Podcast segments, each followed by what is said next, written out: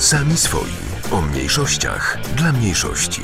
Доброго вечора. При мікрофоні Софія Ваянова В ефірі передача українською мовою самі свої про все, чим живе українська спільнота в Нижній Сілезії. Моя мелодія так називається перша композиція, яку на початок нашої передачі заспіває Злата Огнович. Послухаймо.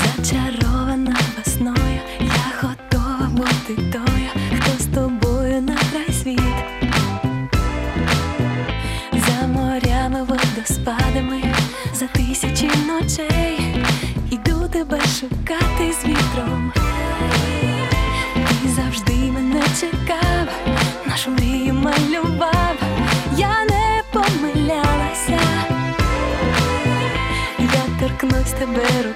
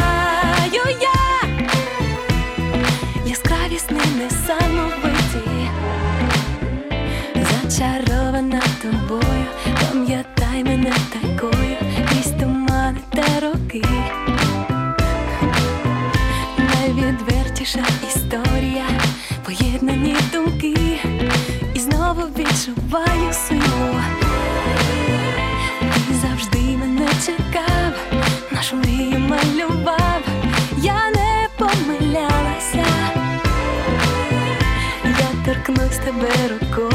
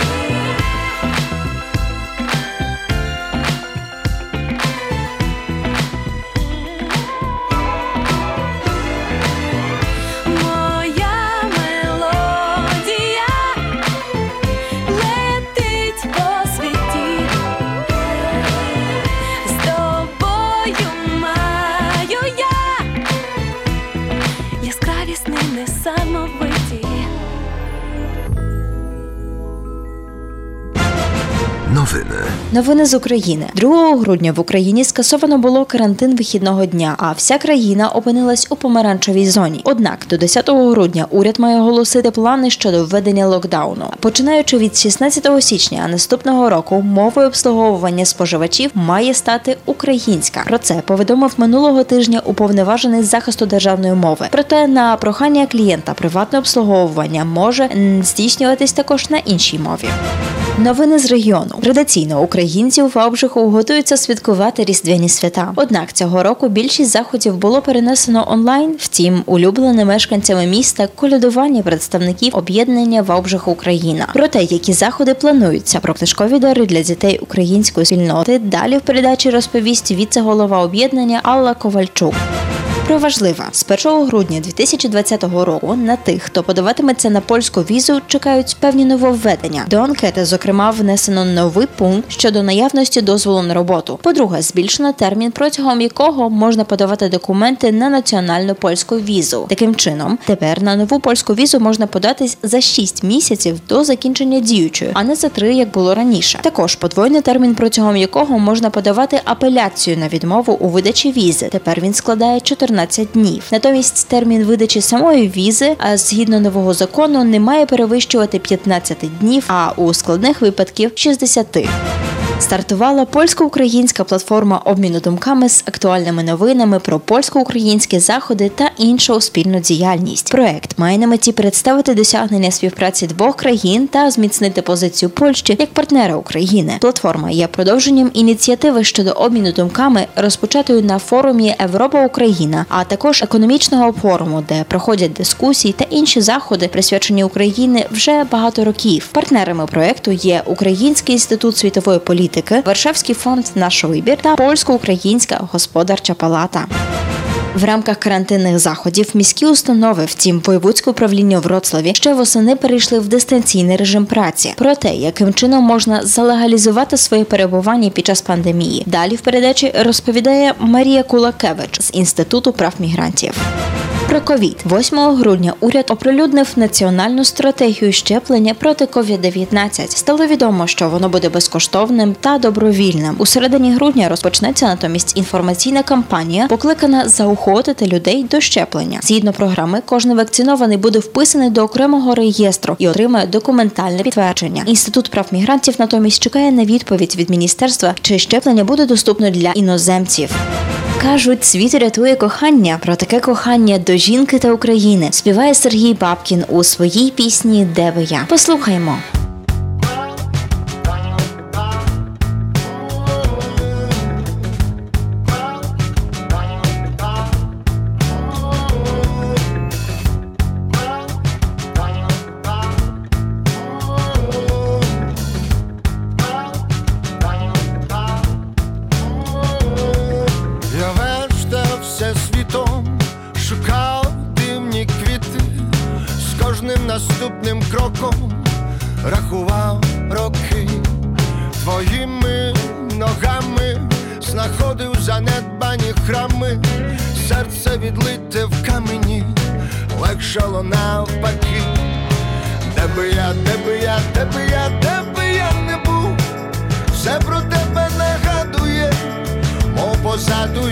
Йдеш, подивися на мене крізь світ. Де би я, де би я, де би я,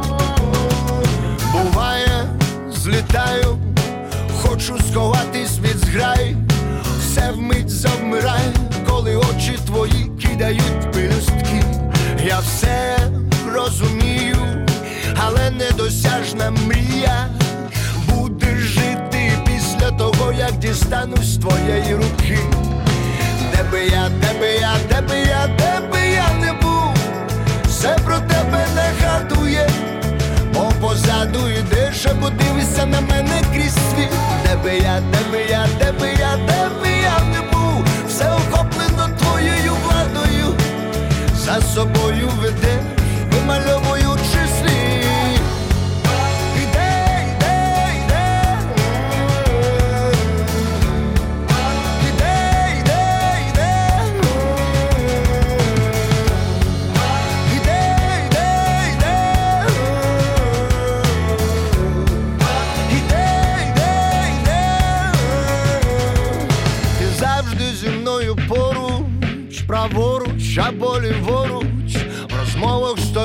людей. Я чую твої думки, проте до нестями мусимо бавити себе почуттями. Йдем по одному колу, наче стрімкі струмки. Де би я, де би я, де би я, де би я не був, все про тебе нагадує, мов позаду йдеш, або дивишся на мене крізь світ. Де би я, де би я, де би я, де би я не був, твоєю владою, за собою ведеш, вимальовуючи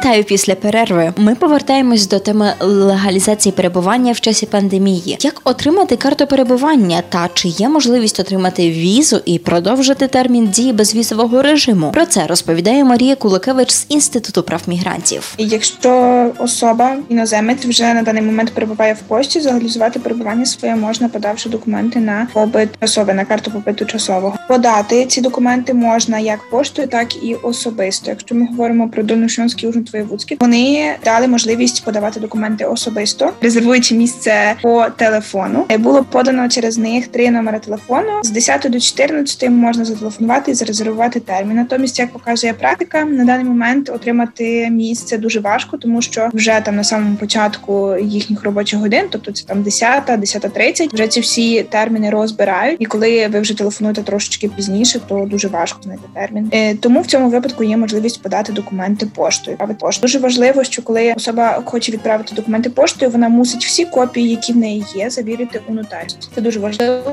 тому що інспектор просто буде відкладати на останній момент вашу справу, і відповідно будете довше чекати на листа від інспектора. Е, Як правило, якщо ви подаєте документи особисто, то ви одразу отримуєте червону печатку до паспорту, яка є дуже важливою, яка є визнана правом. Тобто, саме по закону, мінімально червона печатка легалізує ваше перебування, коли ви подаєте на карту. Тобто немає такого, що ось ви йдете на пошту, і той жовтий папірець, про який всі говорять, що він легалізує ваше перебування. Це вже е, зараз так вважають, як в якихось урядових управліннях, так і прикордонники, що е, цей папірець він підтверджує подачу на карту, тому що просто немає іншої можливості підтвердження, тому що дуже довго ставлять, дають можливість поставити червону печатку до паспорту. Е, Тому тут тільки в принципі в цьому воно полегшує справу, що ви подаєтеся особисто. Пошта тут створює проблему, тому що потрібно чекати на лист від інспектора.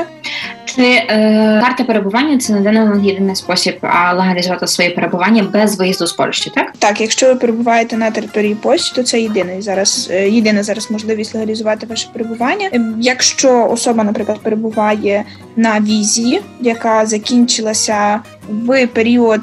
Е, Стану епідемії, тобто ми не говоримо, коли вона почалась. Нам важливо, коли вона закінчилась. Ця віза і так автоматично продовжує. Тобто буде можливість скластися на карту, якщо це для людини необхідно, вже в момент, коли закінчиться той стан епідемії, і почнеться цих 30 днів, щоб вирішити, чи потрібно особі лишатися, чи не потрібно. Якщо ми говоримо про безвізовий рух, то безвізовий рух, на жаль, він не продовжується, якщо особа вже заїхала після 14 березня точного року.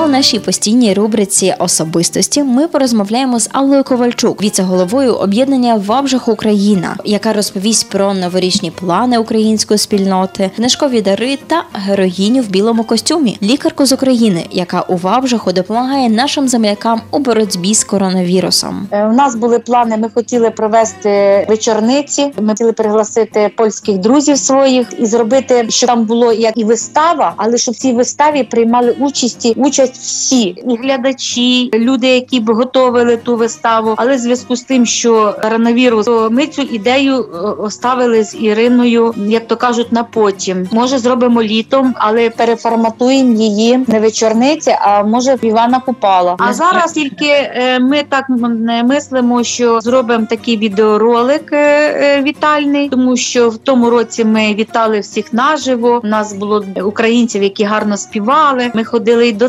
церкви, ми ходили і до президента міста. Ми ходили і по офісам, де нас приглашали. Ми візді були. Полякам дуже сподобалося наші ті щедрі полятки. В цьому році було б негарно оставити без уваги наших польських друзів. І ми вирішили зробити такий записати відеоролик. Чи ми може зробимо його в прямому ефірі? Точно ще не встановилися якісь конкретні версії, але вже є співаючі люди. Е, У нас будуть поляки. Один поляк е, то буде радник міський, буде грати на скрипці, другий на гітарі. В цьому році, в зв'язку з тим, що в нас дуже багато наших людей боліє коронавірусом. е, Ми не будемо збирати наших е, українців. Ну щоб не поширювати вірус. Ми хотіли закінчити свій рік е, таким підведенням підсумків. Хотіли такі зробити таку вітальну частину вступну, а потім розважальну, вручити грамоти, нагороди зробити того всього, що я перечислила.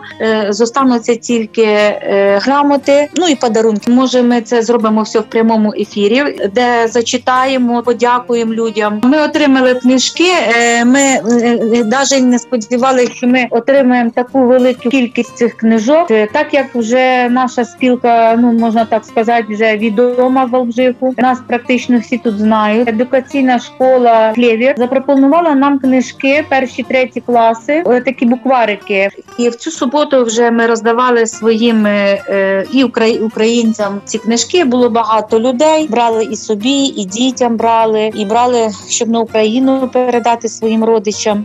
У нас ще є м, така дуже гарна новина. У нас в Валбжиху з'явилася український доктор Ольга Захарова, яка дуже підтримала багатьох людей, е, коли люди боліли українці коронавірусом. І вона для всіх була як паличка-виручалочка, як, як мама. Вона за всіх дуже переживала, піклувалася. Її день розпочинався з того, що вона обдзвонювала всіх і питала, як діла, яка температура, е, давала керування на докторів. То на неї такий груз впав, але вона витримала і ще витримує, тому що теж дуже багато наших людей зараз е, хворіє коронавірусом. Всі знають, що українці працюють на стрефах, на заводах, а зараз дуже багато заражених коронавірусом працюють на заводах. Дякуємо е, мерії города. Вони виділили для неї квартиру соціальну. соціальну. Ми хочемо, щоб про нашу Ольгу Захарову знали всі.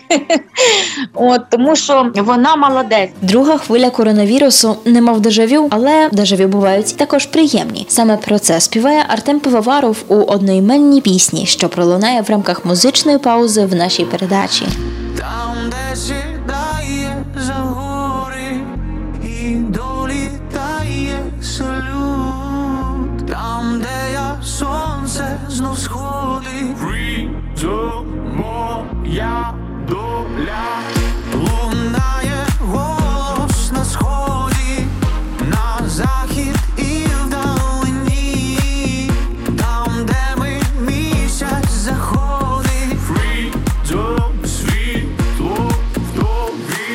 хвилями, хвилями, як течія, магія ранку і кожного дня, пливемо, пливемо через моря,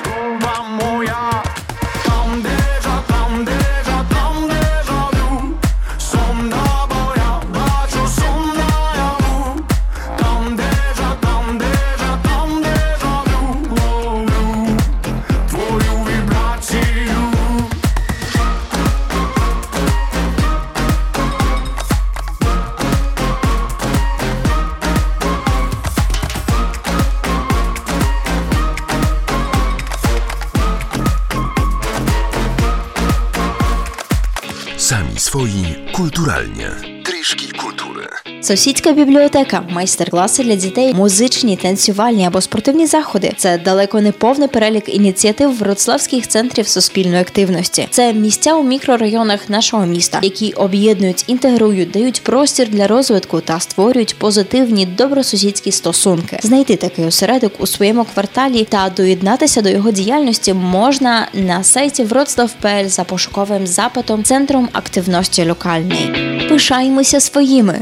Конкурсна комісія з присудження всеукраїнської літературної премії імені Василя Симоненка підбила підсумки конкурсу на здобуття премії у цьому році. Лауреатами у 2020 році визнано премії за кращу першу поетичну збірку Андрія Шийчука з міста Чернівці, який нині проживає у Вроцлаві. Щиро вітаємо та бажаємо творчих успіхів у майбутньому.